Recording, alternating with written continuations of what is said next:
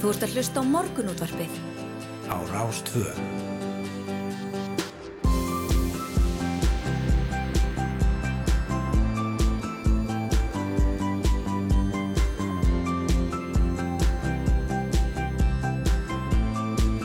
Morgunútvarpið Á Rástvö. Jú, morgunúttarpið býður góðan dag, þriðdægin 22. mars. Klukkuna vantar tíu mínútur í sjö og það er yngvar þóru og já, Hulda Gerstóttir sem verða hérna með ykkur til klukkan nýju. Jú, jú, allt eins og það á að vera hér hjá okkur á Rástöðu, við byrjum daginn í, í róliheitum hér og ætlum að kíkja við blöðin og allt þetta sem við erum vöna að gera. En, en fyrst ætlum við að fara yfir það sem er á dasgrá og það er þriðjudagur. Og á þriðjudagum fáum við á hér til skiptis uh, okkar uh, sérfræðinga í tækni og vísindum. Og í dag er það Sævar Helgi Bragason sem kemur til okkar svona kortir í nýju eða svo og fræðir okkur um eitthvað áhugavert og skemmtilegt úr heimi vísindana. Já, já, einmitt, það er alltaf áhört að fá hann og, og fá svona hérna, eða bara allra nýjast einhvern veginn í vísindum, hann talaði um daginu það að e, það, það ætti að nota vatn úr pissi til að aðstóða svæði þar sem ferskvatn er á skortnum skamti til að mynda þannig að hérna, hann hefur farið nokkuð víða í, í, hérna, í vísinduhotninu. Eitt, eitt vinsalasta einslæði hans bara frá upphafi var einmitt um game closet. Já, einmitt. Að þetta er alls konar. Ég ekki bara vel ímynda mér að það sé áhugavert. en uh, veðurfar undarfarnar vikur og mánuði hefur haft tölverð áhrif á siglingatíðinni til og frá vestmanægjum. Fleiri ferðir hafa verið farnar í Þorlásöfn og þó nokkur hluti ferða feldar niður vegna veðurs. En einviðar á þeirra hefur nú ákveð að bregðast við og fjölga dælögum flugferðum til og frá vestmanægjum úr þremur í fjórar. Og við ætlum að ræða við Írisi Róbersdóttur, bæjarstjóram, um erfiðar aðstæðu sem hafa verið upp í samgöngum þar undanfarnar vikur. Já, ringjum í hana um hálf nýju en eftir áttafréttinnar ætlum við að ræða um viðgerðir á svo kallum tjónabílum. En uh, viðgerðir á bílum sem hafa lengt í tjóni geta verið dauðans alvara eins og Ingþór Áskísson, frangatastjóri þjónustu sviðis B.O.L. hefur komist á orði. Og stál hefur í mörgum tilfellum vikið fyrir áli og koltrefjum í bílum og, og eigi bifræðin að fylla öryggiskröfur að lokinni viðgerð. Þá verða þær að uppfylla ídrustu kröfur. Við ætlum að fara betur yfir þessi mál og, og svona uh, forvitnast aðeins um þetta. Já, já, einmitt, þetta er áhugavert margir að, að hérna, keira í hólur þessa dagana og Já, alls konar skimma bíla sína. hlutir, hlutir að gerast og svo er þetta nú oft svona fólk heldur kannski að sé að gera góð kaup með því að kaupa bíl sem að hefur lent í tjóni og, og, og verið gert við og býð síðan kannski að góðu verði en þá þarf að kíkja ekki bara undir hútið heldur einhvern veginn á miklu fleiri hluti Já, já. Og í gerð var uppi fótur og fytt á alþingi þegar ljóst var að frumvarp heilbriðisáður um afklappa veðingu neyslu skamta fíknefna væri ekki lengur á þingmálaskrá ríkistjórnarinnar. Nokkri starfsmenn Rauðakrossins og í þjónstu sem meðar að skada mingun lístu sömulegis vonbröðum sínum með þessa breytingu á áallun og til okkar kemur Kristín Davísdóttir, teimustjóri skada mingunar hjá Rauðakrossunum til að ræða þessi mál. Hún kemur til okkar já, um uh, korter í átta.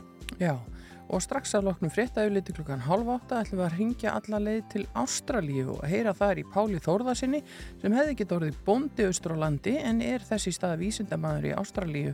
Og þar að auki í forsvari fyrir nýja rannsóknastofu sem að rannsakar RNA kjartsýrur og hlutverk þeirra í líkamannum.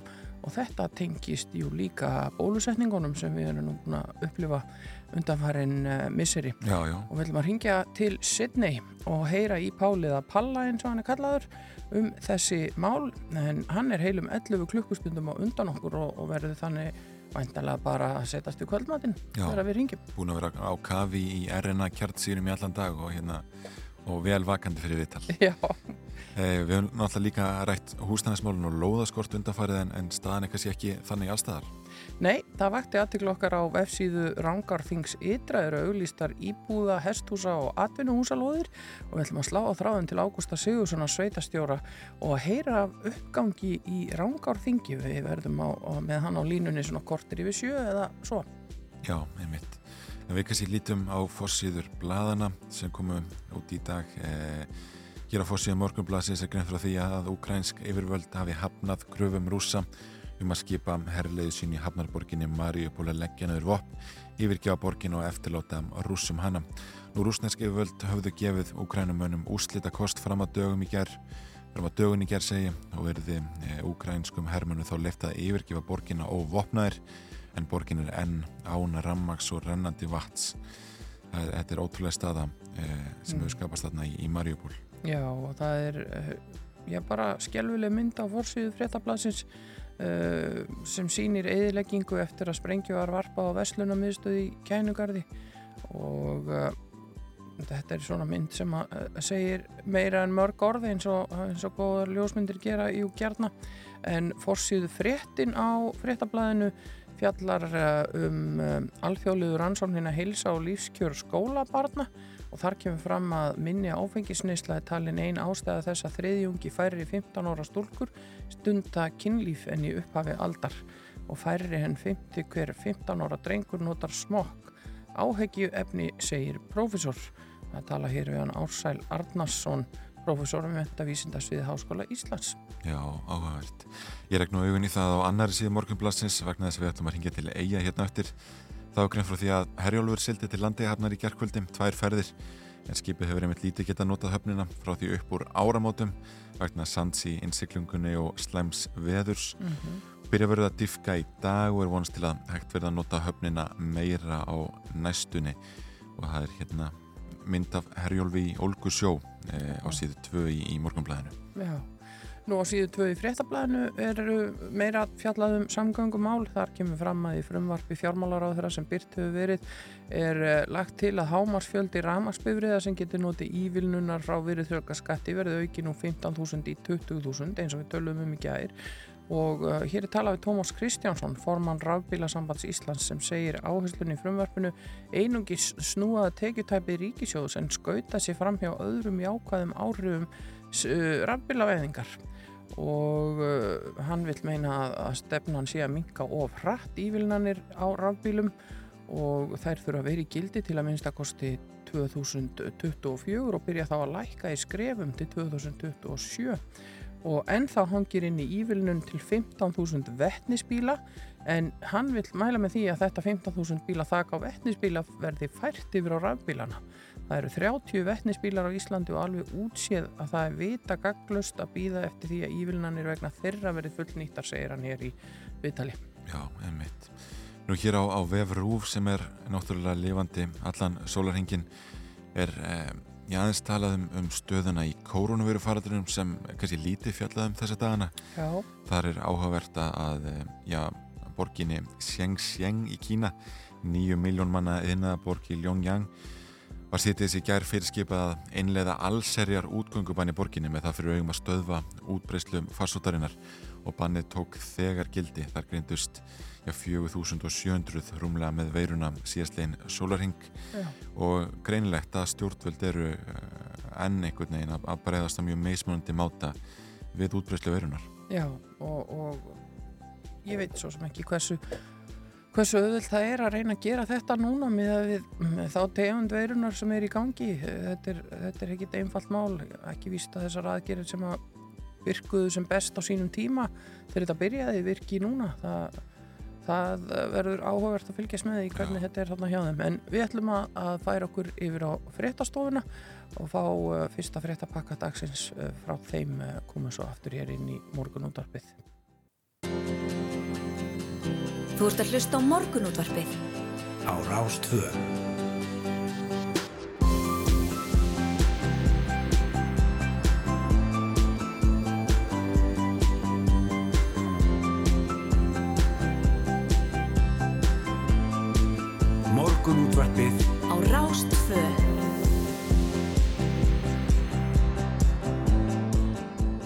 Við bjóðum góðan dag á Rástvö, það er morgunúndarpið sem heilsar og með ykkur í dag Hulda Geistóttir og Yngvar Þór Björnsson og ímislegt á dasgrá hjá okkur í dag, er það ekki Yngvar? Jú, það er út að segja það að við ætlum að, að, að fá Sævar Helga Bragason til okkar eins og alltaf annarkvæmt þriðudagar eða heim vísindana.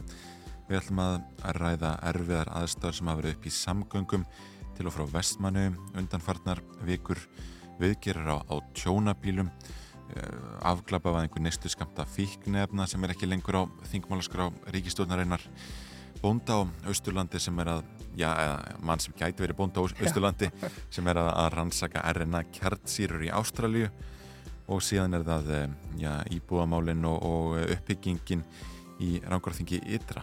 Já, ímislegt, fórvitinlegt og skemmtilegt á dagskrá hjá okkur í dag eins og flesta daga. En uh, við ætlum að byrja að því að kíkja aðeins til veðurs og uh, það sem við sjáum þar er uh, eftirfarandi. Það verður söðlag átt 3 til 10 í dag en á vestfjörðum verður allkvöss norðaustan átt ríkjandi.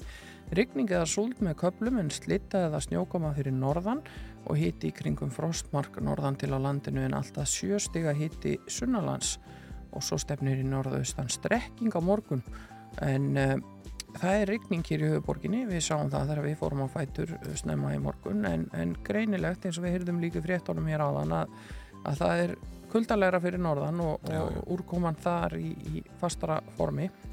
Uh, Já, þessar, þessar mundir. Og ef við kíkjum á hátegiskortið þá er nú reyndar að sjá að uh, við séum uh, komin yfir frostmark allstaðar nema kannski hérna uh, í Bólungavík það er gert ráð fyrir uh, að vera við frostmark í hátteginu en annars er þetta svona mestu leiti rigning um all land og, og þetta svona hita tölur á bílunu 2 og upp í 8 stig Já, 9 stig við eilstaflugul gera þeir ráð fyrir uh, um háttegisbilið já, einmitt. Þannig að það er hérna, þetta verður blöytur dagur allavega allavega að byrja með hér á sunnaveri landinu allavega. Eh, ef við skoðum vef vegagerðarinnar þá kemur þar fram að það er hýðarveður á fjallvegum og vestfjörðum og nokkrir vegir þar ófærir. Eh, það litið er á, á, eh, á höfuborgarsvæðið þá verður þrengt að umferð á ringbraut á milli 5 og 10 í dag frá framleysnavegi að Grandatorki og það hefur tölverð áhrif.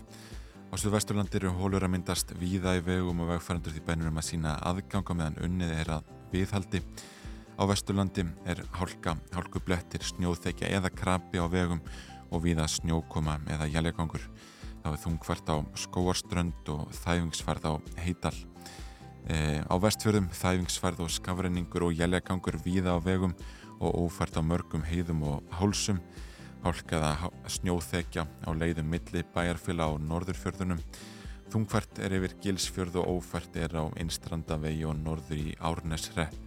Nú vegurnum þröskulda er ófær, klettsálsumulegis, hálfdán, dinjandisheiði og stengvisfjörðarheiði. Þar er ófært eða lokað. Á Norðurlandi hálka hálkublettir að snjóþekja á vegum og flughald á Vaskarði og í Langdal, eh, Langadal um, og um, á, í Vaskarði þrenging á veginum í bólstaðar hlýðar brekkunni sem stendur þar sem flutningabílar þvera veg en hægt er að komast fram hjá þeim og Öksandalseiðin þar eru kvassar brúnir í vegköntum og vegfærandur kvartir til að aga með gát mm Á norðausturlandi hálkaða hálkublettir og á austurlandi sömu sögu að segja á fjallvögum en gæði farta mestu á lálendi og e, varðið við reyndurum við vegin e, í Jökuldal og vegfærandur beðnir um að sína aðgátt. Á Suðurlandi e, eru hólur að myndast víða í vegum og vegfærandur því beðnir um að sína aðgang og meðan unnið er að viðhaldi. Og undir eigafjöllum er brún yfir Kjeldál og Sandholmavegi skemmt og það eru 5 tonna ásунgi þannig að það er rétt að skoða vef vegagerðarinnar ef að ráðast á í, í lengri ferðalög. Já, það er alveg greinilegt að, að, að það er víða uh, þarf að fylgjast með færð og, og aðstæðum og fara valega hvetjum auðvitað fólk til þess að, að, gera það og kynna sér þetta vel eh, ef að fólk þarf að vera á, á ferðinni. Og um, ekki síst auðvitað atvinnum bílstjórar eins og við heyrðum þarna flutningabílunum, þetta getur nú verið krefjandi tímar hjá því fólki sem vinnur við að geira uh, stóru aukutæki um landið og færa okkur varning og vörur. Þannig að, við vonum að, að enginn lendi í, óhafi með það núna. En uh, ég held að sé bara komin tíminn til þess að fara í smá tónlist hérna hjá okkur í morgunútarpinu og við byrjum á já, þessum hugulega heitum sem að þeir félagarnir uh, settu saman Június Meivand og Káká og syngja hér um uh, skíaglópin þetta lag heyrðu við fyrst í hljómskálanum á Rófum daginn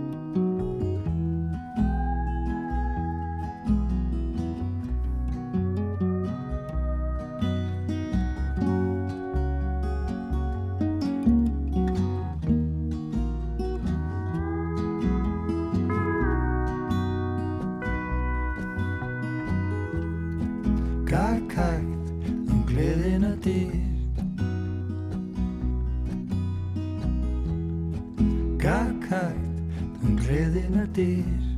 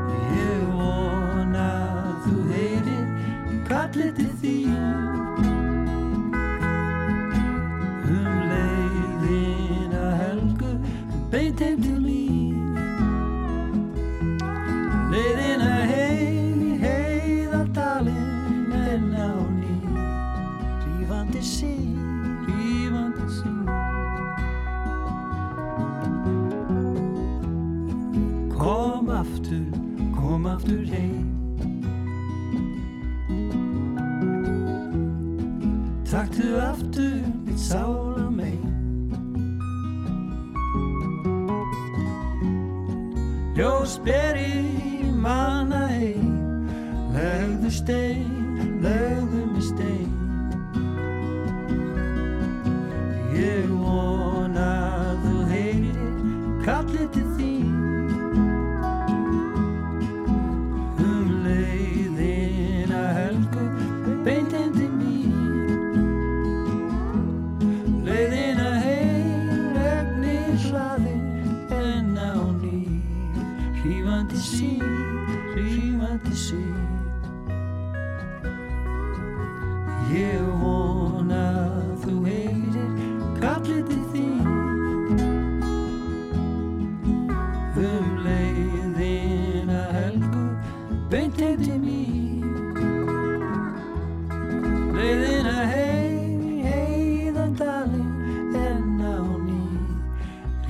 Rífandi sín, rífandi sín Rífandi sín, rífandi sín Rífandi sín, rífandi sín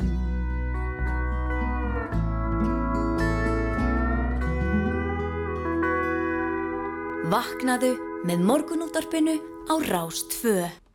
Jú, jú, við erum að vakna svona í róliheitum hér öll saman. eh, Það er að segja þau sem ekki hafa verið á nætuvakt og eru kannski bara rétt að klára vinnuna og koma sér heim uh, til að kvilja sig. Svo eru þetta fólk sem er uh, að vinna nánast allan sólaringin. Við Já. sendum allavega góða kveðjur út á sjó þó að séu vaktir þar að þá er alltaf eitthvað í gangi á sjónum og alltaf eitthvað vakandi á vaktinni. Já, já. Og uh, við sendum þeim bestu kveðjur. Já, já, við gerum það. Eh, Við förum svona að huga að, að sveitirstjórnarkostningum í þessum þætti og rúfi heilsinni náttúrulega. Það er áhugaður könnun hér í frettablaðinu það sem talaður það að fleiri séu hlindir þéttingu byggðar en andvýr, samkvæmt nýri könnun Já. finnum við frekari þéttingur mestur í miðborginni, vissulega Mhm. og næstum hverjum við hana en þetta er rétt innan við helmingur borgarbúa sem er hlindur frekari þéttingu byggðar í Reykjavík 35% andvýr þannig að það er áhugavert að sjá hvernig hérna flokkarnir teikna sig upp uh, með tilliti til þessa. Já, og við ætlum að mynda að ræða uh, lóðamál og fleira hér eftir augnablík þegar við sláum á þráðin til hans Ágústa Sigurssona sveitastjóra í Rangarþingi Ytra.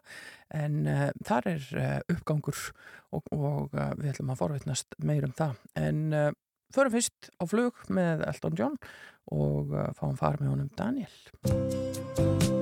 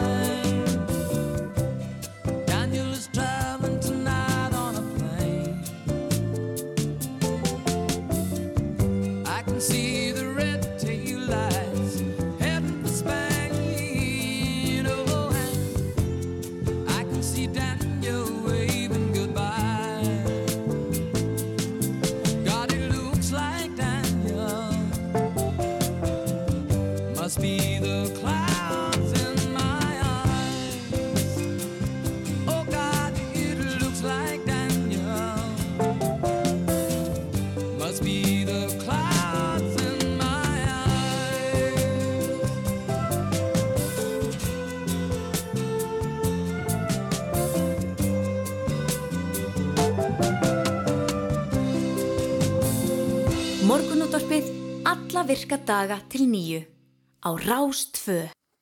Já, áfram höldum við hér í morgunútarpinu og á línunni hjá okkur er Ágúst Sigursson, sveitastjóri í Rangarþingi Ytra. Góðan daginn, Ágúst. Já, góðan daginn. Hvað segja, segja menn fyrir austan á, á Rangarvöllum? Þeir segja bara hljómandi gott. Já, það er ekki við, að búast.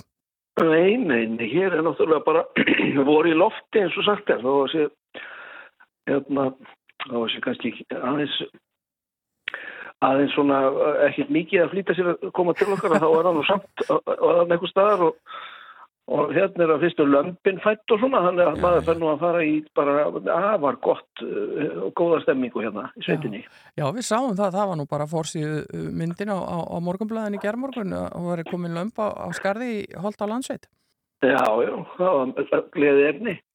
Og, og, og, og búið að skýra þau þessum fínu nöfnum svo því líka, Guðrún og Aldís. Já, já, já, þannig að það, var, það var mjög gaman að sjá það. En uh, það sem að vakti aðtikla okkar er að því að við erum nú búin að vera tölvert að ræða uh, húsnæðismálin hér í, í morgunútarfið undafarið og, og stöðuna í þeim að, að við sáum að inn á VF sveitafélagsins hjá ykkur er uh, uh, sko verið að tala um íbúðalóðir og það er verið að auðlýsa hestúsalóðir og það er verið að bjóða lóðir undir atvinnuhúsnæði. Uh, er allt á, á fljúandi ferð þarna hjá okkur? jú, það er það. Það er nú svona það má segja það, það er hérna þessi eh,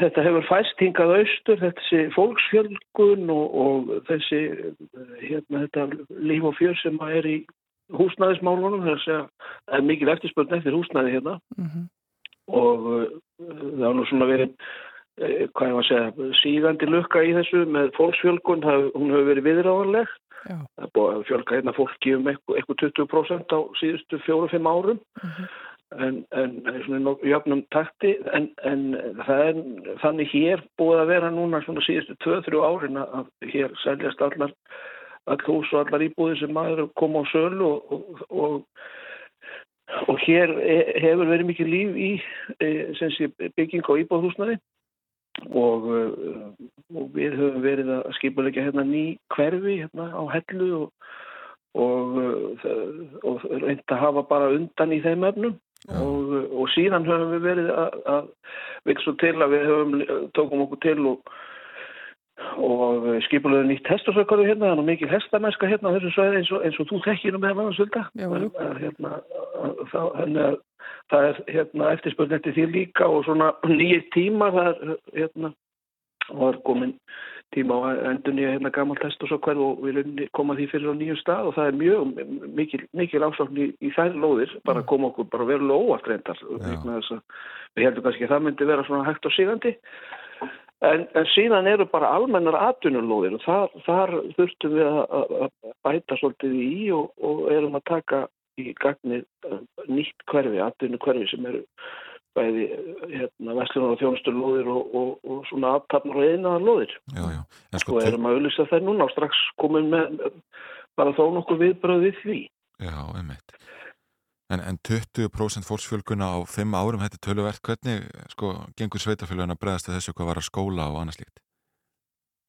Já, sko það hefur nú gengið ágætlega, reyndar hefur, er það þannig að, að leikskólanir okkar hafa verið fullir, við erum með tvo leikskóla hérna og tvo grunnskóla.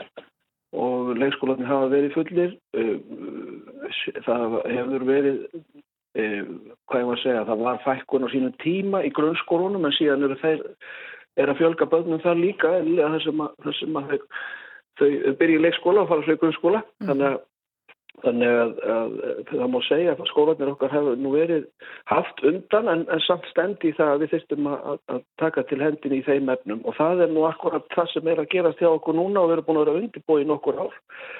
Það eru framkvæmdur hérna við, nýja, við endur nýjum skólahúsa og nýbyggingar eh, hér á hellu í kringum skólasvæði. Já. Það, það er nú stærsta verkefni þessar sveitafélags held ég frá upphafi í, bara komið á stað. Já. Verðið þið vörfið það að, að fólk sé að flytja eh, á svæðið en, en sækja vinnu annar staðar eða stunda jafnvel fjárvinnu? Nú er komin ljósleðir þarna upp um sveitir. Er þetta að hafa áhrif? Já, þetta er nú auðvitað blanda sko, þetta er bæði ungt fólk, þetta er fólk sem er uh, hérna ættað hérðan og uh, vil kjarnan búa hér og er, og er að koma sér hér heimili, þetta er líka eldri, eldra fólk sem að býr hér ekkit endilega í þéttbílinu, eldur út um sveitir. Og ég held að sé alveg hárétti á þér að, að, að þetta með ljóslegar hann hefur haft heilmikil áhrif og fólk uh, sækir vinnu bara hérna bæði heimann frá sér en að hluta til bara vinnu heima. Mm. og, og þetta held ég þessi áhrif er nú komið til með að vera líka þessi áhrif sem við þekkjum öll frá úr þessu COVID-tímabili að það er alveg hægt að vinna heima vel og hluta fyrir, fyrir marga, það er ekki fyrir alla en, en fyrir marga er það alveg hægt. Og og þannig að þetta er held ég framtíðin enná svona blönduð í þessu. Bæði að sækja vinnu eitthvert og, og, og eða vera á einhverju starfstöð innan sveitafélagsins en vera samt að vinna fyrir fyrirtæki sem er annars þar Já, alls konar, alls konar þetta er breytti tímar. Já, já, já. En þú nefndir hestamennskuna, það er nú alltaf hægt að sleppa því að nefna að, að það stendur auðvitað til að halda langþráð landsmót hestamanna á gattstaflutum við hellu í sumar. Er, er finnið þið fyrir spenningi og stemmingu á sæðinu vegna þess? Já, veistu það, það er bara mikil tilhlökkun. Og stefnir í held ég bara með þáttböku á þessu móti. Það er allir átni þýstir í það að, hérna, að halda landsmót sko og fresta þessi mörg ár. Og hérna að það er bara þó nokkuð stemming fyrir því og, og menna búast við því að hérna verði verði fjöldi af fólki og, og og þetta alveg aðra grúa á hrossum og, og, og hérna og, og keppendum og slík og þannig að það mennir að búa sér hér undir það. Og það mánu auðvitað segja líka að, að sko lífið eru auðvitað færast bara í eðlegar horfur og svona samkomur sem við vorum vörn en hafa ekki verið lengi að það eru standa fyrir terum og Þannig að þetta er alltaf breytast og, og sem betur fyrir bara. Já, já. Það færast í eðlilegt torf. Já. Áður en við kveðjum því, þá verðum við nú að nefna það, þannig er blúsandi uppgangur og margt í gangi greinilega, en, en þú ætlar að hætta í vor uh, snúaður að ykkur öru. Já. Er ekkit erfitt að kveðja bara... þegar allt er í góðum gýr? en, jú, það er að hluta til erfitt, en það er líka mjög gaman og þægilegt. Ég, sem sé þetta ákvað það á sín tíma að taka sprett í þessu tvö kjörtímabil og ætlaði þetta þá að ég ætlaði að láta það bara gott heita og, og ég ætla bara að standa við það. Já. og það er líka óskaplega góð tilfinning að aðhenda hér kemlið bara og það er allt á fullri ferð og, og gengur bara vel. Já. þannig að það er nú mjög þægilegt líka sko. Já, við sjáum hvað þú ferð að gera næst. Kannski við fáum að slá á þráðin til þegar þú verður komin í nýverkefni, aldrei að vita það újú, framtíðin, það er nú mjög, er tilfinning reyndar að hafa bara svona heiminn og haf fyrir augum sko, og veit ekki alveg, en, og svona óræðun og spennandi framtíðin, en svona, en ég er bara fullur tilhökkur að takast á eitthvað nýtt, það er bara hannig. Það er gott að heyra. Takk fyrir að vera á línunni hjá okkur, Ágúst Sigursson, sveitastjóri Rangarþingi Ydra og hafa það sem allra best í dag. Sumulegis.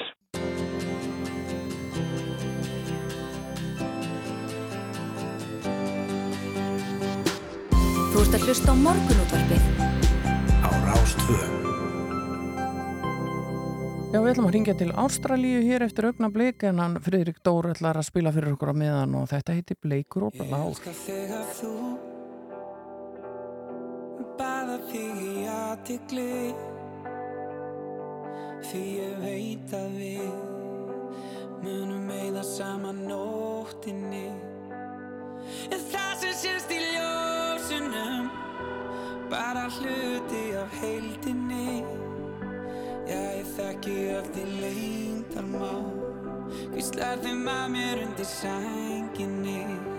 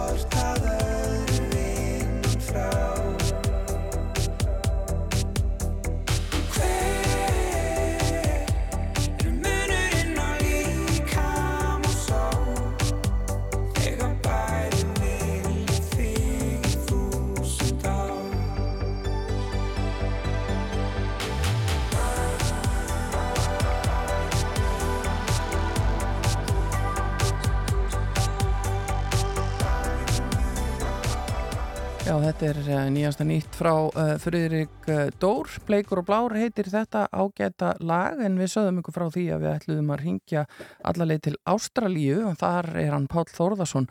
Hann hefði gett orðið bóndi á Östurlandi en er þess í stað vísindamaður í Ástralíu og þar að auki í forsvari fyrir nýja rannsóknastofu sem rannsakar RNA, kjartsýrur og hlutverk þeirra í líkamannum og uh, Páll er komin á línuna allarleið frá Sydney. Já, ég get ekki sagt góðan eh, morgun til þín, Páll, eh, þú ert vantarlega bara að fara að setjast við kvöldmataborðið. Jú, jú. Samt góðan dag, ég er að fara í, í, í kvöldmat þegar við ljúkum þessu spjalli. Já, en hvernig kom þetta nú allt til að, að, að þú ákast að, gerast ekki bóndi heima fyrir austan heldur að, fara svona eh, langt, já, hinum einn á nöttin til að læra vísindi? Það var nú ekki, al- það var nú ekki alveg beinleið, Nei. eh, en um, nei, fyrst, nei, nei, eins, og, eins og gerist í lífinu. Nei, ég, ég, ég, ég eftir, eftir að klára mentaskóla, þá tók ég heilt ár í, í frí og, og var í nokkra mánuð með þess að sjá um búið fyrir fóldri mínu þegar þau voru eitthvað, eitthvað annað að gera og En svona fannst ég þýst með endilega að prófa hvort að ætti við mig að fara í háskólan og ákvað eftir mikið jam, jafn og föður að ég færi og í hvað ég færi. Og svo ætlaði mér ekkert náttúrulega að fara úr landi. Það var ekki fyrir setna sem það gerðist. Það var ekki fyrir ég var búin að vera að vinna svolítið á rannsóknir á raunvistastöfna háskólans að ég er svona, já þetta er bara svolítið gaman. En ég get ennþá ekki útskipt um, fyrir sjálfum mér eða neinum öðrum og ég man að fóröldra minni spurði mig bara af hverju alltaf fara til Ástralíu? Ég hef ekki hugmyndu það. það var eiginlega það er eitt stærsti leindadömun í, í, í lífi mínu af hverju ég ákvaða að fara til Ástralíu en ekki eitthvað annað. Já, og, og, hvað er, og hvað ertu nákvæmlega að rannsaka það? Sko, ég, ég er efnafræðingur og, og sérst, ég fór svo hingað í, til Ástralíu í doktorsnámi í efnafræði og, og sérst, ég veit ekki af hverju ég fór til Ástralíu en, en uh, enda sérst, í efnafræði, í lífræðinni efnafræði búin að vera í því í 20 ár en uh, og, og síðustu 10 ári mikið í nanotekni og svo svona fyrir 5 árum síðan fór ég að færa mig yfir í að rannsaka líka RNA, RNA kjartsýður því að hérna las uh, mikið af áhugaverðum greinum þar sem að, að um það hvernig við vorum kannski að miskila svolítið alveg þannig til núna hvað raunverulegt hlutfært RNA er í, í lífræðinni. Það er einhver mun starra heldur með heldum og, og, og þó að hérna, við, almenningu núna sé nú búin aftur sér svolítið á hlutverki RNA gegnum bólefnin það voru þægilega bara sko toppurinn á ísjakanum sem að hægt verður að gera held í lagnavísnum í, í framtíðinu með RNA. Já. Getur útskýrt fyrir okkur sem að erum auðvitað bara leikmenn og, og, og, og þekkjum vísindin ekkert að baka þetta en, en til dæmis bara með bólöfnin, hva, hvaða hlutverki gegna RNA í því? Sko þá byrjum við á því sem að svona, er ennþá kendi í lífræðinu að, að, að, að DNA er, svona, er að harði diskurinn í, í frumunum okkar. Mm -hmm. og RNA er í raun og veru sko hérna hugbúnaðurinn. Kemur út til DNA og, og í tilfelli bólefna er sá hugbúnaður það notaði til að búa til þetta hérna, spýruprótein sem er á veirunni. Og þá lærir líka minn að þekkja það og, og, og berja skegnið í framtíðinni. En um, Þess að segja, ég er búin að vera að sjá það að það, þetta er bara eitt hlutverk RNA sem sagt hérna hugbúnaðarins er að búa til prótín. Það er margt annað sem RNA gerir og við erum að rétt að byrja að svona komast undir yfirbóri með það að skilja hvernig RNA stjórnar uh, til dæmis uh, þróun líkamanns og taugakerfisins og annað eftir því. Já, þetta er gríðarlega spennandi því að það lítur að vera gaman að vinna við þetta. Það er alltaf gaman að minna þetta. Sko, ég, ég, eina ástöðin ég enda líklega efna þannig líka má er hægt að fara kannski aftur á, á, á búið heima að það maður hefur gaman að búa til huti. Það fylgir bæði því að vera svolítið úsveit og eins var er pappi sko húsasmiður, eh, svona sem auka, eh, aukastarf. Mm -hmm. Þannig að þetta eru er efnasmíðar sem ég stunda. Já, þannig að reynslan af Östurlandi nýtist. Af auðvitað, auðvitað gerum það. Hún nýtist allstæðar. Já, nú er, er við auðvitað öll búin að vera í þessum heimsfaraldri og, og, og við höfum fengið reglulega fréttir af, af hörðum sótvarnaraðgerðum í Ástralíu og þar var nú allt bara meira og minna mm. lokað í langan, langan tíma. Þú ert væntalega ekkert búin að koma að hinga heim til Íslands lengi eða?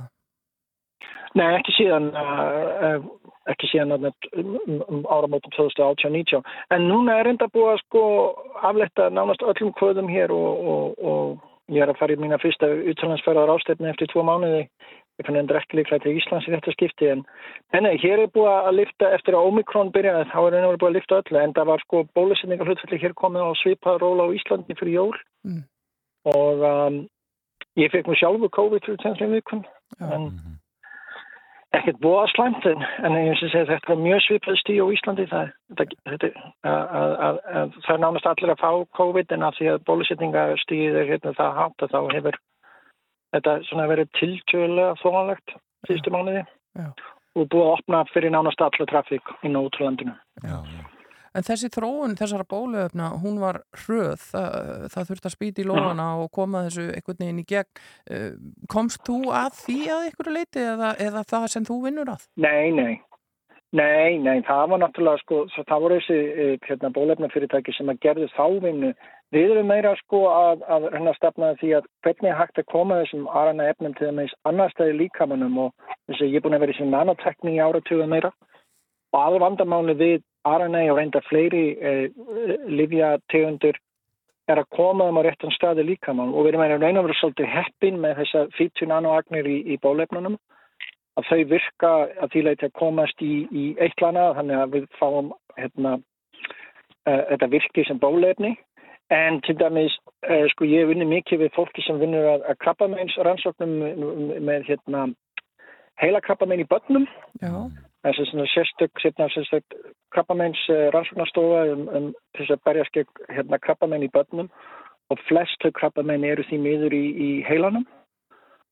Og það er að vandamáli sko hvort sem er aðra uh, meðfærir sem hægt væri að nota hugsanlega það er að koma þessi inn í, inn í réttan stað í heilanum og það er þess að við erum að gera með nanotekni í sístu tíu áru og þetta er svona aðeins að þróast í rétt áttinn. Það er eitt aðalverkarum okkar með þessa stopnum sem ég nú í fórsverði fyrir er að, mm -hmm. að, að þróa betri aðferð til að koma RNA og öðrum uh, lakningatækjum til dæmis í, í, inn í heilan til þess að ráðast gegn krabnamenn í heilanum. Já, þetta er, þetta er áhugaverð að vinna og, og, og náttúrulega já, væntalega frumkvöðla starf á þessu sviði eru, eru margir í, í þessari tækni í heiminum? Já, já og nei, ég meina ég ég er búin að vera í þessi áratug og við erum með alþjóðlega rástefna á þessu sviði hérna á hverju ári og það koma hérna 1-200 manns á hvert skipti og allstæðar heiminum en við höfum verið svolítið leiðandi á þessu sviði síðast áratugin og, og, og, og það er í og með átta því sem að við reyðistum í, í, þessa stopnun að koma henni á lakirnar mm. en líka til að vinna með fyrirtækjum sem er að þróa RNA lækninga meðferðir við alls konar fyllum ekki bara krabbamenni heldur líka erðarsjútumum mm. það er svona bylting á og sjálf þetta hringnum það hvernig sé að, að eiga við sem að erfiðustu erðarsjútumanna sem við þekkjum mm -hmm.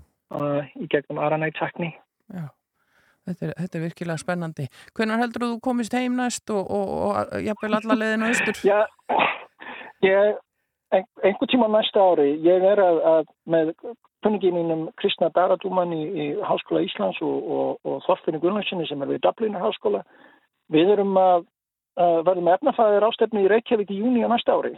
Já, já, já, ok.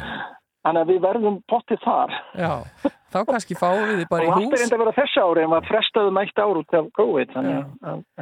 Það er ímislegt spennandi og áhugavert greinlega í farvatninu hjá þér. Eh, takk fyrir að vera á línunni, Pál Þorðarsson, alla leið frá Ástralíu og, og við ætlum ekki að halda þér frá kvöldmónum lengur en uh, óskum, óskum þér allsins besta og, og velgengni í þessum áhugaverðu störfum. Takk hjálpa fyrir spjallið. Já, takk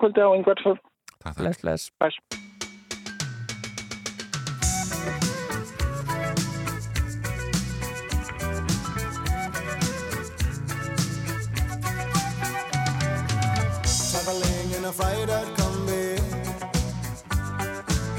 on a hippie trailhead full of zombies.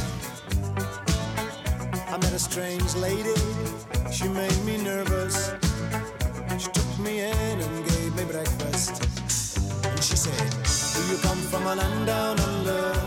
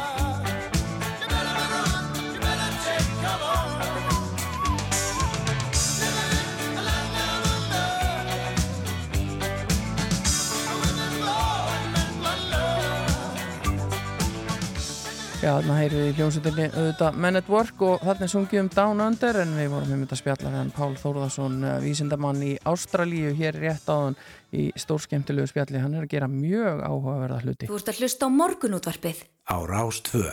En í gerð var uppi fótur og fyrt og alþingi þegar ljóst var að frumvarp heilbriðis á þeirra um afklapaðingu neistlu skamta fíknefna væri ekki lengur á þingmálaskrá ríkistjórnarinnar og nokkri starfsmenni Rauðakrossins og í þjónustu sem miðar að skada minkun lístu sömulegis vonbröðum sínum með þessa breytingu á áöllun og Kristín Davistóttir, teimistjóri skada minkunar hjá Rauðakrossinu með komin eitthvað til okkar, góðan daginn. Góðan daginn. Sko, hvernig hérna slóðu þetta þig þegar, þegar þetta kom í ljósi gerð? Eh, ég verður veginn að þetta komið aldrei á óvart, þetta komið í opna sköldu því að hérna uh, okkur hefur þótt vera bara ákveðin meðbyr uh, í samfélaginu öllu með þessari afgleipavæðingu. Við höfum séð mikla breytingu bara í hérna skoðun þjóðfélagsins í raun og veru og það er um 60% þjóðurinnar lýsa sér fylgjandi afgleipavæðingu í dag þannig að mér þótt þetta daburlagt kannski fyrst og fremst. Já, við vorum hér um daginn að ræða uh, þetta nýja neyslurými uh, og, og þá kom þetta upp einmitt með að það vantaði svona klára máli þar að segja að fólk væri kannski örugt innan neyslurýmisins en það geti jafnvel verið handtekið nokkrum metrum þar fyrir utan. Uh, hvað gerist núna? Þið hafi væntalega haft einhverja væntingar til þess að þetta væri að fara lengra svona, og næstir lekkur í þessari keðju væri í smíðum. Jú, vissulega, vegna þess að e, í reglugerðinni sem lítur á neysluríminu þar kemur mjög skýrt fram að e, notenda er heimilt að vera með e, vörsluskamt í sínum fórum og neyta hans. En síðan er hverki sko, tilgreint hversu mikið það má vera eða innan hver stórs svæðis eða radíus, hann er Uh, óhulltur en maður getur sagt sem svo. Mm -hmm. þannig að uh, það virkar svolítið eins og þetta það, það byggist svolítið bara á gæðþótt ákverðunum hverju sinni uh, hva, hversu mikið viðkomandi má, má vera með og hvar. Og það er náttúrulega bara aldrei gott þegar um, segja, þegar hlutinir eru settið þannig upp. Og sérstaklega ekki hvað varða þennan hóp. Þetta er mjög brotin hópur sem að, á erfitt með að treysta erfitt með að treysta kerfinu Uh, og ég held að það sé greiðilega mikilvægt að eigða allir svona óvissu bara til þess að stuðlaða auknu öryggi og, og, og tiltrú hópsins mm. í raun og veru. Já, eins og nefnir þá er svona við þarfum almennings til þessa breysthöluvert en það verðist enn einhvern veginn ekki vera fullur stuðningu við þetta inn á alþingi hvers vegna heldur það svo sé? Sko, ég held að sé að miklu leiti hérna bara, þetta er svolítið kynnslóðaskipt og í raun og veru mjög kynnslóðaskipt skoðunni á þessu og, afstæðan mm. uh, og síðan heldur fólk bara mjög fast í þá um, stefnu sem uh, hefur verið til staðar en hún, svo stefna er náttúrulega bara byggð á siðferðiskend þeirra sem hann að setja á sínum tíma við höfum mjög mikið á gögnum sem sína fram á þetta virkar ekki ræfsistefnan virkar ekki og hún er ekki bara óhæppileg, hún er skadleg mm. um, en það er svona bara hvað maður segja þetta er kannski erfitt stundum að fá svona eldra eldri viðhorf til að breytast. Já, þú, þú ert uh, teimistjóri í skadamingunar hjá Rauðakrossinum og, og ykkar verkefnum hefur verið að fjölga og, og þau hafa skila góðum árangrið, það ekki? Jú, mjög. Sko við erum með frú Ragnæði sem hefur verið starfrækt frá 2009 og það hefur verið bara stöðug aukning í fjölda um, notenda þjónustunar frá upphafi og við erum núna að þjónusta um 600 einstaklinga á ári Uh, síðan núna í mars fóru við af stað með hérna neyslurímið sem að er þá uh, færanlegt neyslurímið sem er rekið í gamla bílum okkar mm. uh, þetta verður þar staðsett í eitt ár og hugmyndið með því er fyrst og fremst kannski kortleika þörfina fyrir neyslurími reyna að fá smá hugmyndum það hvaða hópur myndi nýta sér það og hvar væri best að hafa það mm. Þeir eru farin á stað með það uh, fyrir uh, nokkrum dögum, vikum síðan. Mm -hmm. uh, hver eru svona fyrstu viðbröðin? Uh, er fólk að nýta sér þetta, veita af þessu? Já, það er, það náttúrulega hérna, er, þær eru sjálfbóðilegar í frúragnæði og hafa verið þær sem að starfa þar núna. Það er hjókunarfræðingur og þróskaþjálfi. Mm. Uh, þær þekkja hópin og það er náttúrulega alltaf greiðilega mikil með, með hennan hóp uh, að bara að ná þeir upp þessu trösti. Mm uh, þær hafa verið á ferðinni bara í rétt rúma viku og, og í raunverðu gengur þetta bara vonum framar. Já, einmitt. En, en þið náttúrulega sko er í, í talsvöndin tengslu við þennan hóp, sko er að fjölga uh, í þeim hópi sem leitar til ykkar? Uh, það er svipaðu fjöldi sem leitaði til okkar 2021 og 2020 mm. Uh, hins vegar er það þannig með þennan hóp að hérna uh, fólk tekur svolítið tímabilmarkir sem þau koma mikið. Kannski ef, þegar fólk tekur bakslag fer síðan eftir í meðferð þannig það er svolítið erfitt að segja. Um, en að því sögðu að þá erum við náttúrulega bara að þjónusta jáðarsettast á hópin í raun og veru. Uh, það er svo miklu miklu stærri hópur sem er að nota výmuefni þarna úti. Já. Munum þið bregðast eitthvað við þessum tíðendum ætlið að gera eitthvað? E, við þurfum aðeins bara að býða og sjá hver næstu skrif verða. Það er á vegum helbriðisraðunetti sem starfandi hópur núna sem vinnur að því að skilgreina e, neyslu skamtana hvað stærðirnar mm -hmm. sem er svolítið það sem hefur verið kallað eftir frá meðal annars dómskerfinu. E, en það sem kannski vantar svolítið inn í þann hóp og víðar að það er að fá nótendur sjálfa borðinu. Mm. Því þeir hafa svolítið glemst í þessar umræðu en það eru náttúrulega þau sem eru sérfræðingarnir í, í því mm. hvað þau eru að nota. Já, við fylgjumst áfram með þessu. Takk fyrir að kíkja við hjá okkur hérna Kristín Davísdóttir teimistaujóri skadamingunar hjá Rauðakrossinum og eh, ræða hens við okkur um þessi mál. Takk. Takk fyrir að koma. Já, við ætlum að heyra hér smá tónlist. Þetta er Patti Smith sem syngur Because the Night og svo er það fréttir klukkan átta.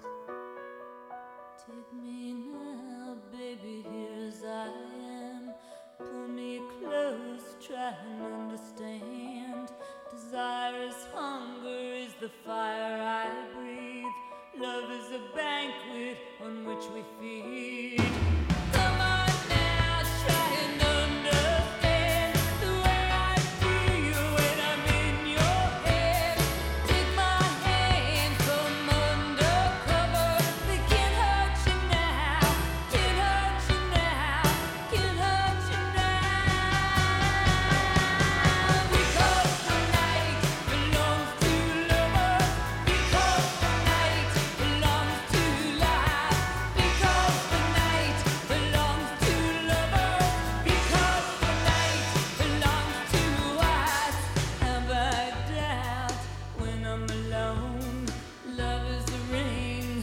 Telephone. Love is an angel disguised as lust. Here in our bed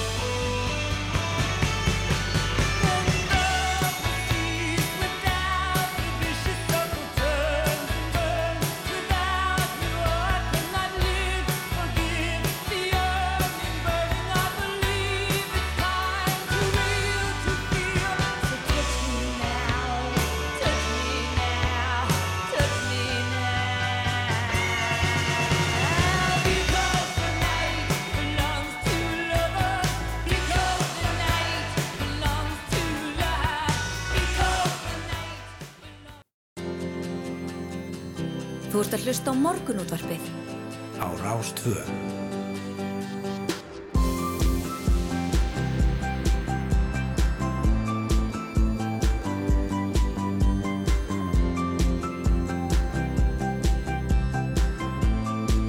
Morgunútvarpið Á Rástfö. Jú, jú, áttafréttir að baki og morgun útvarpið heldur hér áfram. Setni hálfleikur hafinn getur við sagt. Við erum búin að fara víða í, í þættunum í morgun, eh, allt frá Ástralíu til ja, Rángarþings Ytra, Já, það er með viðkomu á alþingi. Já, nákvæmlega. Þannig að það verður seint sagt að við, við komum ekki víða við, það er nú klassíst að, að segja það. Við ætlum hérna rétt á eftir að, að fá hann inn til okkar hann Yngþór Áskisson, uh, frangvandastjóra þjónustusviðs BL, uh, til þess að tala um viðgerðir á, á tjónabílum. Hann hefur aðeins verið að tjá sig um þetta og segir að uh, þetta sé bara döðans alvara og það skiptir miklu máli hvernig staði sé að því að gera við bíla sem lent hafa í tjóni. Og við förum í það hér eftir augnablík síðan ætlum við að ringja í bæjastjóran í Vestmannum og heyra af erfiðum aðstæðum í samgöngum og svona hvernig lítur út framöndan og svo er það Sævar Helgi Bragason sem kemur til okkar undir lok þáttar og fræðir okkur um eitthvað skemmtilegt úr heimi vísindana en uh, við ætlum að fara í Eurovision lægið okkar hér næst. Uh, titillin og textin uh, ætti að svona pepp okkur á stað inn í daginn. Og hér er sungið með hækkandi sól.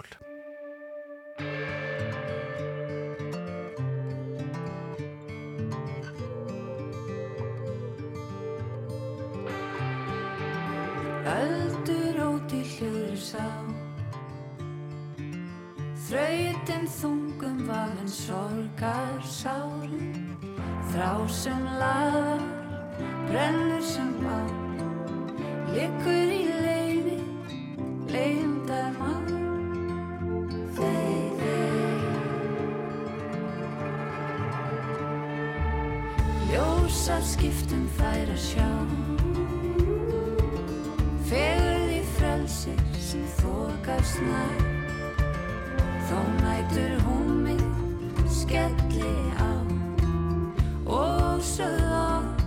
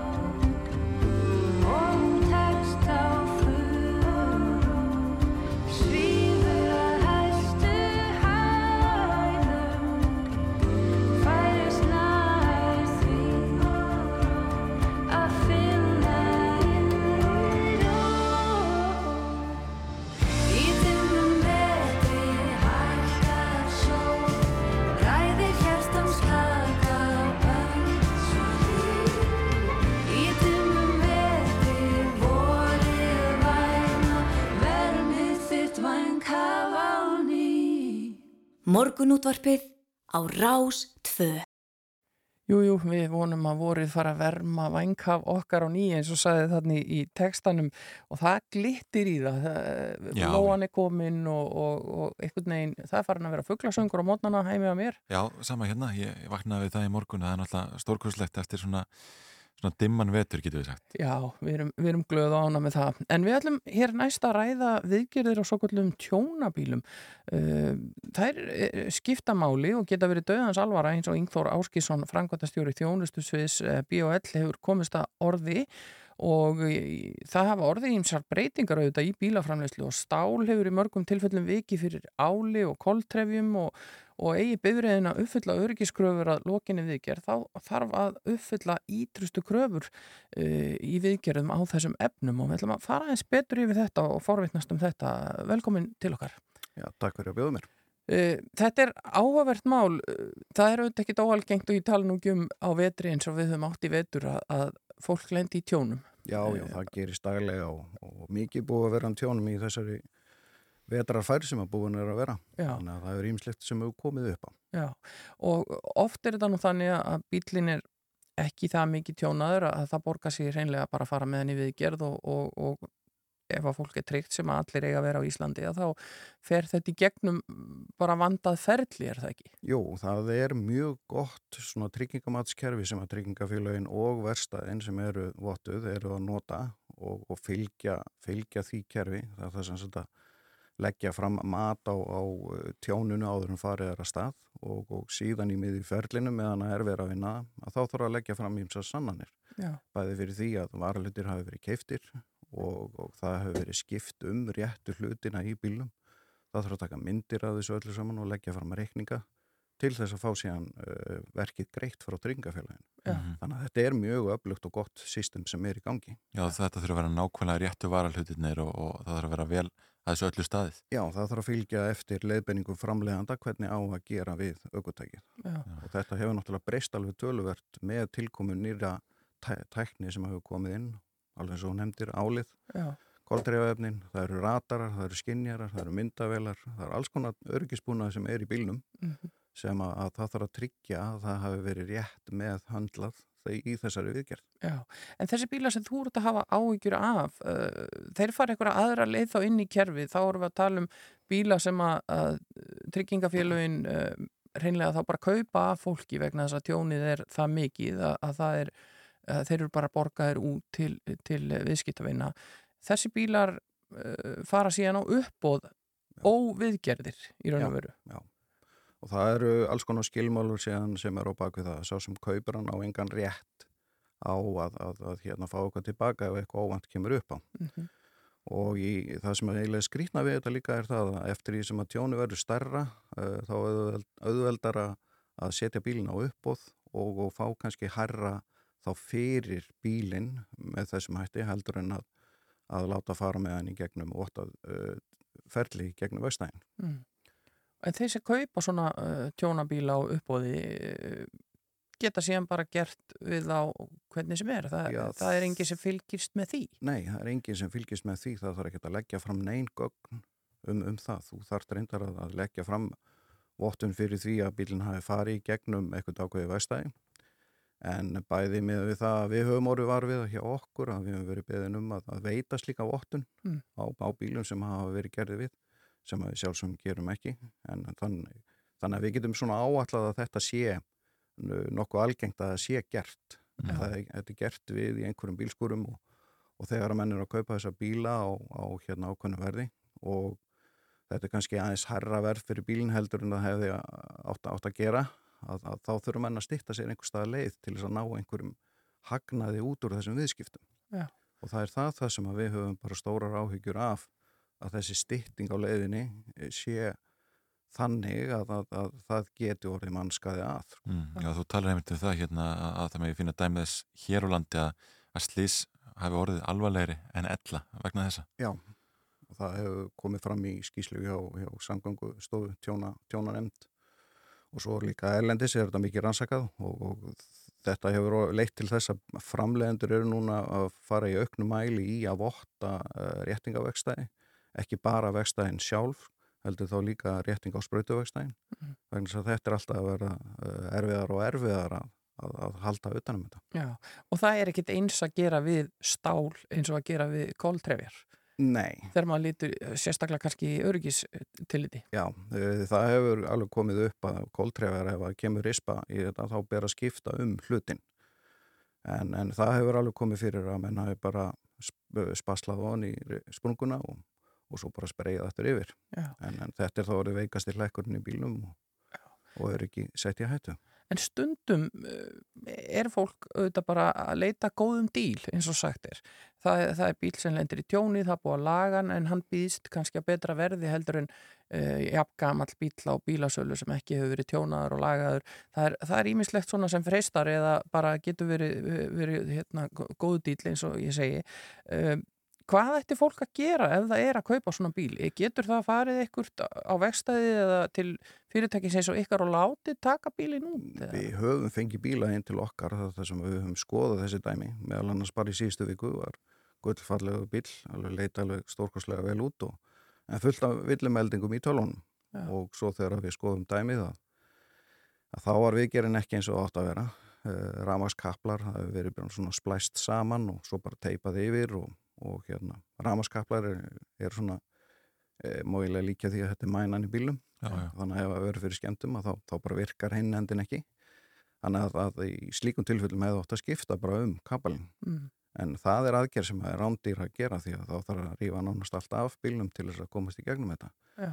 en við höfum séð svona dæmi og, og, og það sem að gerist í slíkum málum er að, að eigandin setur síðan uppi með skadan Vegna þess að það er engin ábyrð á þessu. það er engin ábyrð og þú getur ekki selt bílinn í þessu ástandi þér ber að láta næsta vita Mm. og þetta er kannski eins og í þessu tilfelli í hérna síðustu viku þetta var aðgerð sem hefði kostað rúma, rúma 2,5 miljón til þess að laga Já, en ekkert sást utan á bílnum Nei, bíl fyrir Já, já, leikmann já. út í bæ sem að veit ekkert um bíla. Já, já, já. Já. Þannig að það getur allt verið slétt og fælt á yfirborðinu en, en, en það er allt í kald og kólum undir.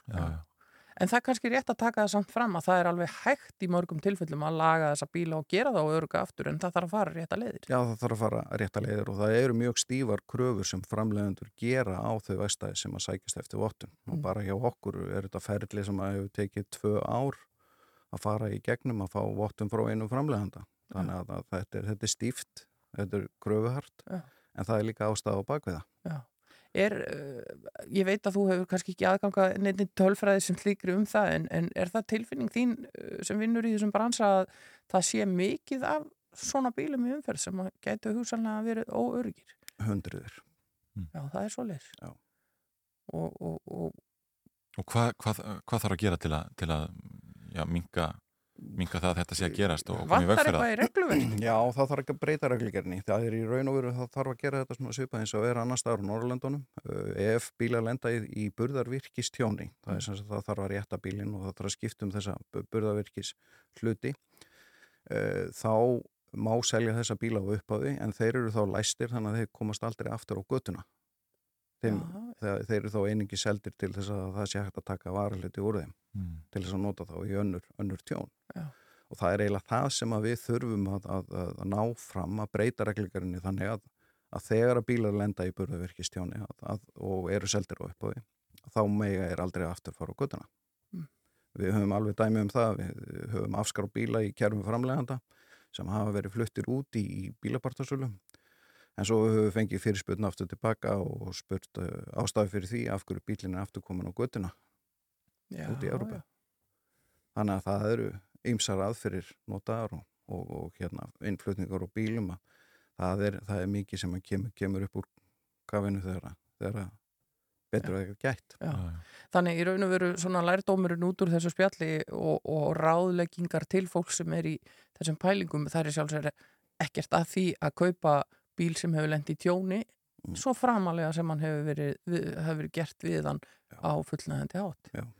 Það er eitt annað áður við sleppuður sem að, við nefndum ekki sem er kannski stórtaðatriði í þessu líka, það eru loftpúðanir. Já, það eru innkallanir settar í gang. Það var reitt framlegandi sem að, að hérna, þur, þurfti að láta kalla inn alla púða og, bara hér á markanum eru þetta einhver 40.000 bílar held ég að verið sem um að vera að ræða. Mm. Við höfum verið að kalla þetta inn og, og skipta um loftpúða.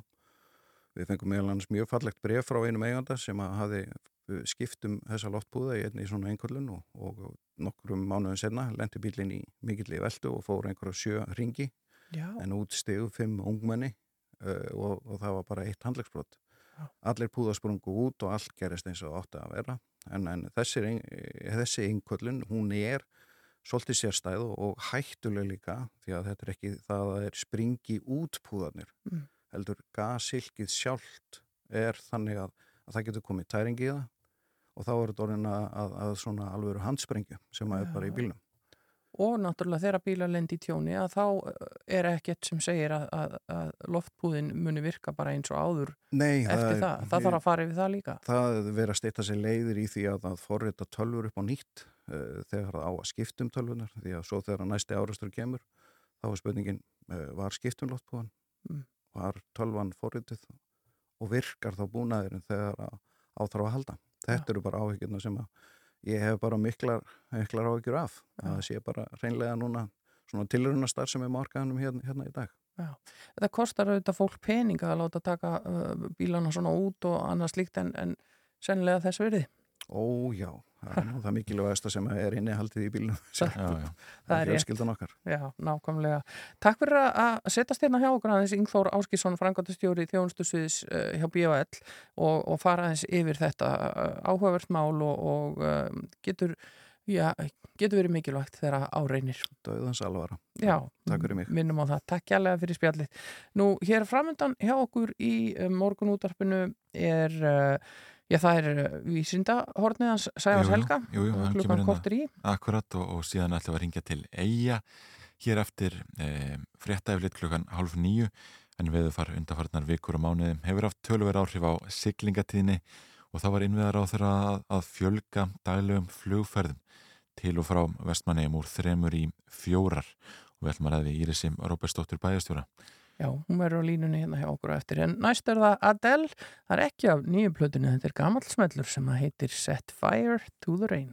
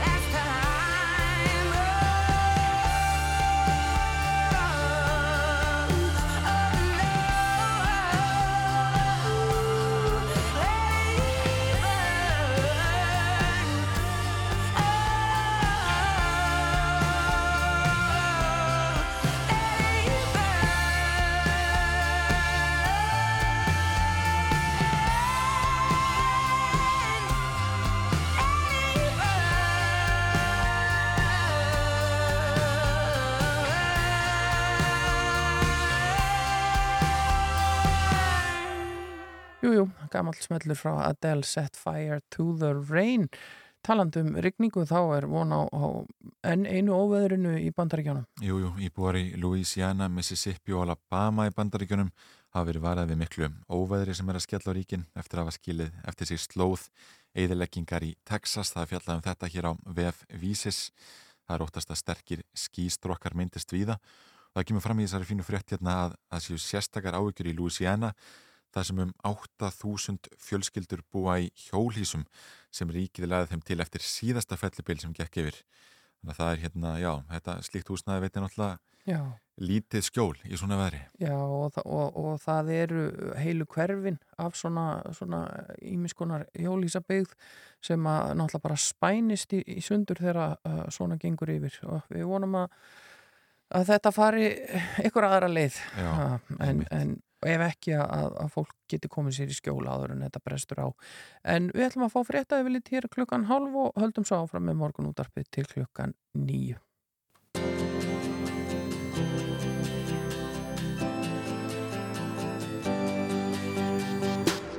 Þú ert að hlusta á morgunútvarpið. Á Rástvö. Jú, veðufar undarfarnar vikur og mánuði hefur haft tölverð áhrif á siglingatíðni og samgöngur til og frá vestmannegum og Íris Róbertsdóttir bæjastjóri komin á línuna, góðan daginn. Góðan dag. Er ekki óta að tala um það að það hafa verið erfar aðstöðar uppi í, í samgöngum undarfarnar vikur í vestmannegum? Jú, þær hafa verið mjög erfiðar bara eins og alls staðar annar staðar á landinu. Ég las nú einhver staðar að þetta var í vesti februar í 100 ár. Já. Þannig að við höfum ekkert farið varfluta af því hér. Við treystum bæði á flug og, og hérna, samgöngur og sjó. Þannig að við höfum fundið vel fyrir því í vetur eins og aðri landsmenn. Já, já, einmitt. Og, en sko, við lásum það hérna í, í morgun að Herjólfur er afturbyrjaðar að sigla í landægjahöfn. E, það verður ekki verið svo síðustu, já, síðustu vikur og daga. Nei, við, það var nú þannig að höfnin helst nú opinn í alveg 20 mánuði þannig að undanfarnar tvo vetur hefur hún bara verið opinn en lokaðist núna í janúar. En sem betur fer er, hérna, erum við byrjað að sigla aftur og dýfkun verður vonandi bara kláruð alveg í vikunni þannig að að sigla full áallum. Þannig að það er lóan og landið, það eru vorbúðarnir hér. Þannig að þetta, þetta muna tölvöld miklu. Já, það er nú, það er nú gott að heyra að, að, að það eru vorbúðar á, á lofti en, en flugið eh, þetta er í raun og veru tímabundin samningur eða hver er staðan varðandi flugsamgöngur til Vestmanniða svona til lengri tíma? í staðan í flugsamgöngunum er náttúrulega ekki góð. Hún var sko 2010 þegar landvegahöfn opnar þá fellur niður ríkistyrkur sem var á áallunaflugi til Vestmanniða og svo hefur verið svona frekar bröðsótt að halda upp í flugi sérstaklega undanfarin þrjú-fjögur ár. Og svo terða eiginlega bara ferða alveg út núna, það er í annarskipti á tveimur árum sem það fer alveg út í september. En fáum inn þetta tímabundna flug sem tengdist nú faraldrinum bara hérna til að halda uppi það sem við kalla lámarks samgöngur sem var ekki nema tvær ferðir á viku. Og svo erum við náttúrulega eins og við bentuð á áðan búin að vera standi því vetur eins og aðri landsmenn að það verður náttúrulega landegi höfð á lókuð það var verið að fella mikið ferðir í þólasöld bara út af veðri og látum og engar vegarsamgöngur upp á landi og svona. Þannig að þá var það að reyna að sinna okkur eitthvað aðeins betur með fluginu og við fengum þessar tvær flugferði til viðbótar af því það þarf náttúrulega líka ekki bara að koma fólki og ymsu öðru til og frá það þarf að koma veist að koma sínum og livjum og annað til sjúkrahúsins og svona. Þannig að það þarf að halda upp einhvers konar samgöngum. Þannig að það kom inn þessi aukaferð að mista kosti út núna út mass og við erum náttúrulega að vona það að landega komi núna bara sterk inn og allt lítur út fyrir að við séum bara aftur komið hann í gang. Mm. en framtíða flugsamgöngunar eru að við teljum það í rauninni full reynt að hér sé hægt að halda uppi reglulega áallunaflugi með án ríkistyrkja Mm. og svo vinna er í gangi í veðagerðinni að safna saman gögnum og undirbúa þá útbóð varðandi ríkistyrkt flug og svo þarf náttúrulega að taka ákvörunum að fara í það en ef að það gengur allt eftir að þá væri hægt að koma aftur á það sem við kallum eðlilegu áallunaflugi næsta haust. Og, Ferillin tekur svolítið tíma. Já, en þegar þú talar um eðlilegt áallunaflug, hvað væri við þá að tala um? Uh, Bara það er því flóið daglega ein, ein, ein, fram og tilbaka Já, já, já. eða slíkt? Já, við hérna leggjum alltaf upp með það að það séu tvær ferðar á dag. Þú getur farið hérna á mótnana og komið heim setnipartin. En inn í ríkistyrta pakkanum er ríkið að styrkja ákveðna ferðir en þá getur flugfélagi sjálf bætt við og breytt áætlum. Í þessu flugi sem við erum með núna, sem er svolítið öðruvísi, þá má flugfélagið sem er með samningin í þessu tilfelli erfnir, þá má hann bara fljúa þessar ákveðnu ferðir. Af því þetta er ekki undir þessum hatti eins og venjulegt ríkistyrt flugur. Þannig við erum að vona það að það sé þannig að setja treyst á flugsamgöngu daglega að því samfélagið þær því að halda og þá sérstaklega yfir veturinn. Já, ertu bjart sín á að, að, að þeir samningar náist? Ég er alltaf bjart sín, ég er að vona að þetta bara gangi allt eftir en ég er náttúrulega einstaklega bjart sín bara fyrir því að eins og ég sagði Lóan og Landegahöfn og nú er bara að koma vor Já. og eins og þú þekkir hulda þá er hverki betra verin í vestmannum og vorinu og sumrin. Já, ég er Þannig að taka undir það. Já, þannig að ég bara hlakka til og ég held bara, ekki bara hér, ég held að verði bara dásalmest sumar á Íslandi. Við, bara ég trúi ekki öðru eftir spilin sem við fengum í vettur. Já, það er rétt. Þetta er ágætis lokaorð Íris Róbersdóttir bæjastjóri í Vestmanni. Takk fyrir að vera á línni. Takk fyrir spjallið. Já, við skulum heyra eitt eigalag þannig nóg til að fallegum lögum og þetta var hann Bjartmar Guðlöksson. Þetta er þjóðtíðalagi frá árinu 2019 og ber það fallega nafn Eija Rós.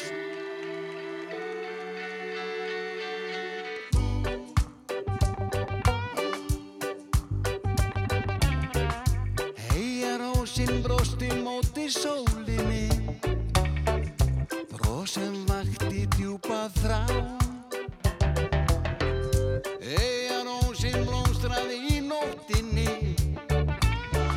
Þá ágústmánin horði á Og draumar okkar fenga sjá það sem þeir þrá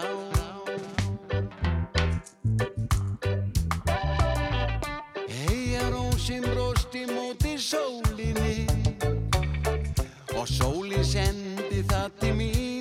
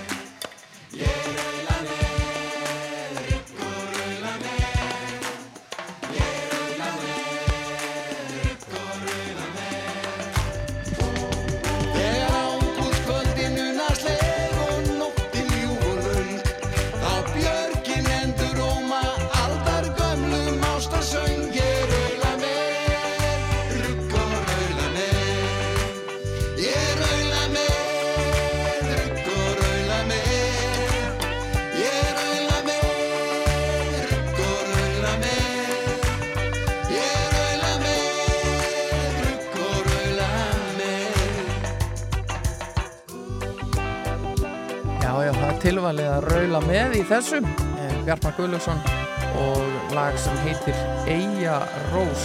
Og uh, þetta settum við í loftið til gaman svona eftir spjall okkar við bæjastjóran í Vestmannium Þú ert að hlusta á morgunútvarpið. Og til okkar er komin Sævar Helgi Bragason, það þýðir það eitt að við verðum einhverju fróðari eftir augna blik. Það eru vísindin sem eru á dagskrá. Gaman að sjá þið. Sumulegis og takk, ég vona að ég skil einhverju fróðlegu til ykkar í dag. og klikkar nú sjaldan á, á Já, því. Gott, gott að heyra. Hvað vil ég tala um í dag? Já, það- Svo bara setur stillur Já, okkur svo bara varpa ábyrðinu ykkur. Já, við, við rákum kannski augun í það að hérna í dag er, er eh, já, alþjóðlegu dagur Vassins. Já. 30. árið í röð. Akkurat og það, allir dagar ættu auðvitað að vera alþjóðlegi dagar vass að því að þetta er náttúrulega svo mikilvægstu vögvi sem við getum nokkuð tímann lag- eh, sett ofan í okkur. Við Já. erum náttúrulega langt mestur leiti úr vatni og við búum á vatnaveröld í jörðinni sem er 70% vatn og við livðum auðvitað ekki hérna án þess að við hefðum aðganga hreinu og góðu drikkjavatni Mhm. og ég sá náttúrulega fréttinar í gær þar sem var að vera að fjalla um uh, svifriksmengun á Akureyri og Já. þar var tekið viðtal um mann sem sagði að tilmæli til fólk sem að draga úr akstri og svona hefði ekkert virkan eitt sérstaklega til að draga mengunni Mhm. og þá rifjast upp fyrir mér að já, einlega öll þessi umhverfis klandur sem leist, höfum við leist með reglugerðum Mm. og eitt svona frægst dæmi sem að tengist vatni sem að kannski má til með að taka einhverja tveið þrjá mínútur í að segja frá Mhm. var í bandarækjunum í framhjá Cleveland í Ohio rennur á sem heitir Cuyahoga og R.E.M. gerði frækla sem heitir Cuyahoga líka Mhm. Og þessi á stóð uh, já, við bakka árinar voru fullt af fyrirtækjum sem framleitu ímiskonar eiturefni og á um svona miðbygga aldarinn voru enga reglu sem kváða um að fyrirtækin gætu bara, eða þyrftu að, að taka eitthvað á menguninni frá sér, þau gáttu bara dæltin út í ána sem var mórauð af- mengun og eiturefnum, stundum bull, bullaði svona í henni eins og þetta væri eitursúpa í einhverju teiknumind og stundum fluttu döða rottur á henni sem voru útþandar af, af mengunni. Já, akkurat sko, Útþandar af menguninni? Já, það er sérst þöndist út svona, það var svo mikil mengun og okki kringum ána og ofan í áni Æ. og lífið náttúrulega hvarf og ef fólk fór og fekk sér sundsbrett þá þurfti það nú bara helst að leita sjúkrahús. Já, já. en svo dag einn árið 1969 þá kviknaði í áni þá kviknaði í oljuflekkunum sem hafðu verið delt út í ána og þessar myndir byrtust á ímsum frettamilum og sömulegis á fórsíðu vísindatímarits og þetta er svona um það leiti sem einmitt við vorum að rannsaka tunglið og taka fyrstu myndirnar af plánutun okkar úr geimnum Já. þar sem fengum svona kannski þá tilfinningar já við búum öll á sama stað og loftjúburinn freka þunnur Mm. en þessi atbyrður leiti til dæmis til þess að það voru setta reglur sem hváð á um það að fyrirtæki og aðrir gar- bara gátu ekkert menga vatna eh, án þess að gera eitthvað í því, þar segja bara menga vatni að vild Já. og þessar reglur voru settar árið 1972 og þær virka, þær virka það vel að nú er án ekki lengur menguð og nú er lífið búið að snúa aftur í ána og þetta er orðið útífist af paradís og allt vist já. kerfið þetta miklu helbriðra í kring sem að veitir fólki út af þjónusti sem við tökum stundu sér fyrir eitthvað sjálfsæðri Já. þannig að við höfum leist svona erfi umhverjusvandamál en Já. því miður fyrir fólk sem vil helst beita bara tilmælum alltaf með reglugerðum Já, það þarf, að, það þarf að setja þær til þess að hlutni breytist. Já, það, það virðist bara vera það einhvern veginn virkar. Akkurat, þú, þú veist, þetta er svona dæmi kannski eins og þegar við vorum að glíma við ósonvandan það er að segja að frjánefnin úr kæliskápunum okkar sem voru eðalegi ósonlægið að við hefðum alveg getað veitt sendt fólki tilmælum að opna kannski ískápin sinn bara tvisvar á dag en ekki fjórum-fimm sinnum á dag og en það hefði bara aldrei virkað Nei. þannig að það voru bara setta reglur og það leisti vandan og Já. svo voru bara snjöll fyrirtæki og snallir einsta- einstaklingar sem fundu upp með nýja, uh, nýjar leiðir til þess að framlega hlutin á betri og ábyrgari hátt og Er eitthvað sérstætt gert á degi varsins eða er þetta meira svona bara vitundavakning?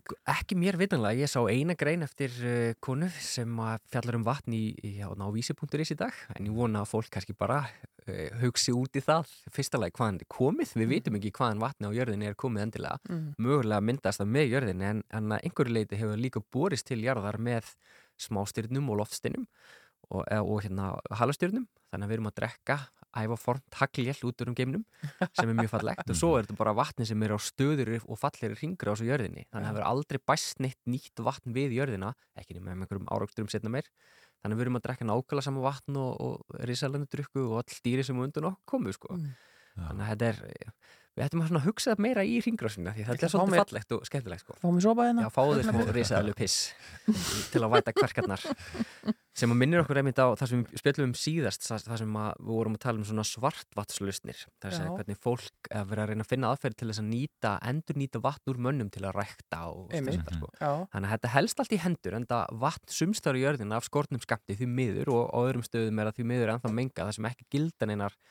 uh, trösta reglugerði sem komið vekk fyrir mengun lífsnöðsynlegs vass. Já, það er auðvitað þetta að vísa í, í uh, myndir eins og hérna myndirnarnas Michael Moore um Flint í Michigan og, og, og, og, og svo náttúrulega Erin Brockovich og, og, og svona baráttumyndir það sem að, að hefur verið tekið á málum Einmitt. en það þarf mikið til verið vera sumstaðar. Ég heldur betur og ef að þið hafa einhvern tíma verið erlendist þar sem að uh, hefur verið þurft að skamta vatnið af einhverjum ástæðum og þá bara tökum við eftir hversu ótrúlega háð hreinu vatni við erum. Já.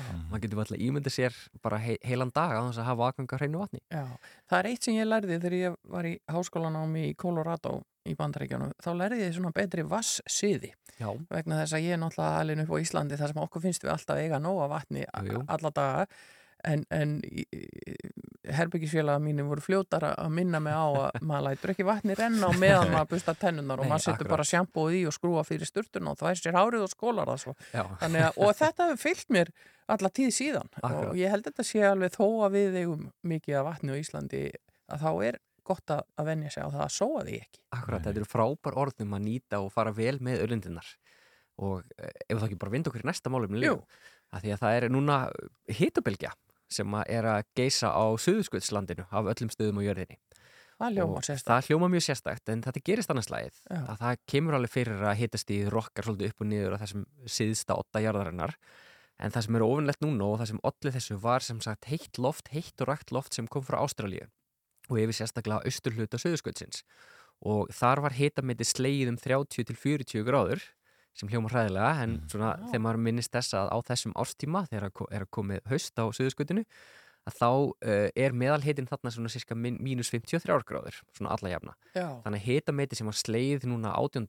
mars, uh, það, þá komst hitin upp í 10 stöða frost og það hljómar eins og svona hlægileg hitabilgja innan gæsa lappa en þetta er bara svo rosalega mikil, mikil hitasveifla Mhm. að þetta er svona algjörlega fáheyrður atbyrður og sennilega eitthvað sem að við ættum hreinlega bara ekki að sjá á okkar æfir hreinlega Já.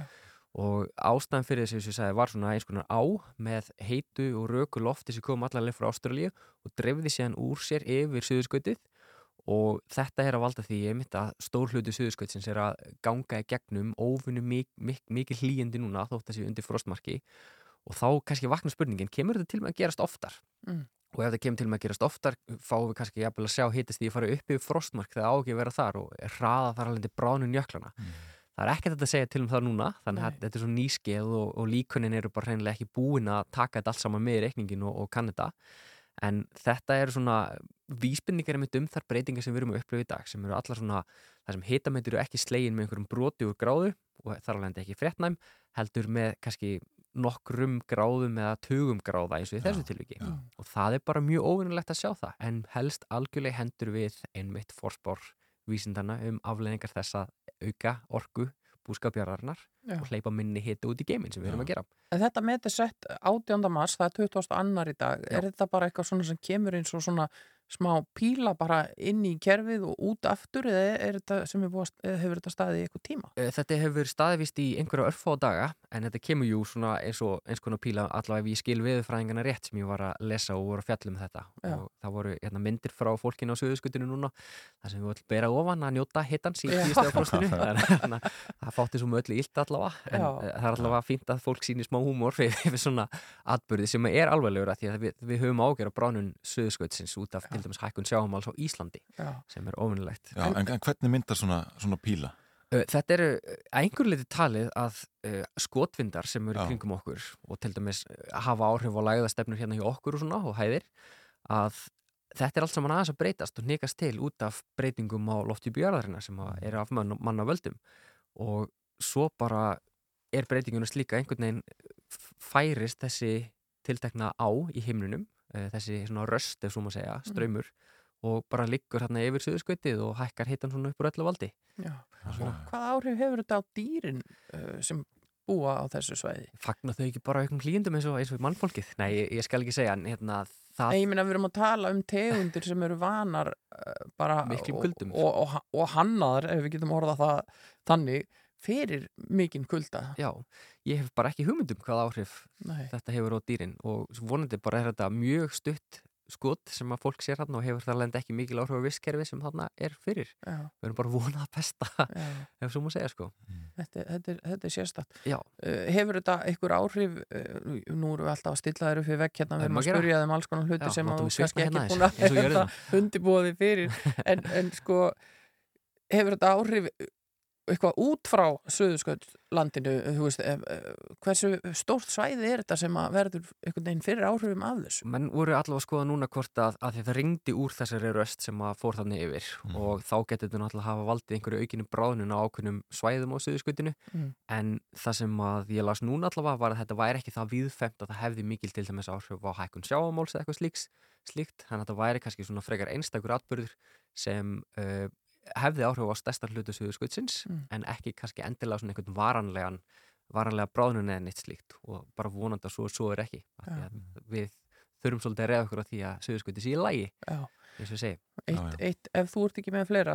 Ég með eitt í viðbót ef Já, við viljið já. uh, að því að í uh, síðustu viku þá eða þar síðustu viku að þá sprakk yfir Íslandi, Norðan Íslands smástyrni Já. sem komst svona létt í fréttinar en það sem var merkilegt við þetta var að þetta er í fymta skipti sem að menn finna smástyrni áður en það springur og áður en það rekst á jörðina Já. og þetta var nú fekar lítið, kannski 2-3-4 metrar þar mál en nú er búið að taka upp svona viðvörunarkerfi og þetta viðvörunarkerfi virkaði fullkomlega þar að segja fyrstu rannsóknir fyrstu mælingar sem voru gerðar á, á þessu smástyrni það er að fannst og örfáum klukkustundum áður en það skalla á okkur Já. þá var hægt að negla niður nánast nákvæmlega hvar það myndi skella á jörðinni og þetta er nýjung og þetta gerist nefnilega kannski svona, já, einu svona tvisur ári á svona stórt smástyrni 2-3-4 metrar í, í þörmál springi einhvers stóra jörðinni, Já. það er ekki stána en þetta sýnur okkur það líka við erum farin að vakta heiminu miklu miklu betur og við finnum ekki öll sem skella á okkur Mm. þá erum við hins vegar komið það góða útreikning að við getum nákvæmlega sagt fyrir um hvar þessi smástyrni lenda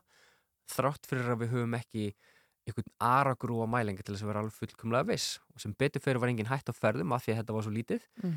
en ég fekk í gær sendt myndskei frá uh, ungu manni sem að uh, náði blossanum á mynd þegar að þetta springur norðan Íslands og það er mjög svona teiknulegu blossi, frekar Já. hraður Ég sá þetta á Facebookinu. Já, þannig að En hérna hvar var myndbandi tekið? þá, ég, ég man nú ekki hvar það var tekið, það var einhver stöður á Norðurlandi allavega Já.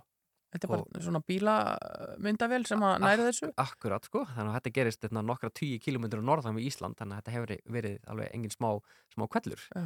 Þannig að þetta var hérna svolítið merkilegt og skemmtilegt því miður fjallu broti náttúrulega bara hún í sjóin þannig að það er ekkert það að fara og finna þau ekki nema reyði góðan ká, hérna, kafarabúning og Já, eitthvað já. slíkt En er það samt ekki eh, betra en þetta lendi, þú veist, á húrþakinu hjá manni? Ég var nú mjög gladur ef að það myndi eitt steinn detta í gegnum þakki á húsinu mínu og Klára, já, já, bara einn og Bara bara á einn, já, réttum stað. og, og akkurat, ekki á höf- höfðinu Nei. að því annars hefur nú gerst að fólk hefur fengið stein í sig en það er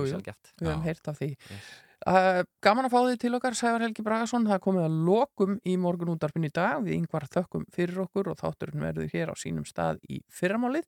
Ég var að hugsa um að enda þetta með smá bombu. Já, það hljóma vel aðeins á, degi sem þessum Já, hrista fólk bara í gang og, og svona við förum uh, létt og kátti, við heyrðum í fólk í dag sem að tala um vorið og allskins vorbóða og við ætlum bara að halda okkur við stemminguna og henda okkur í YouTube hérna í lokin lag sem heitir Even Better Than The Real Thing. Takk í dag!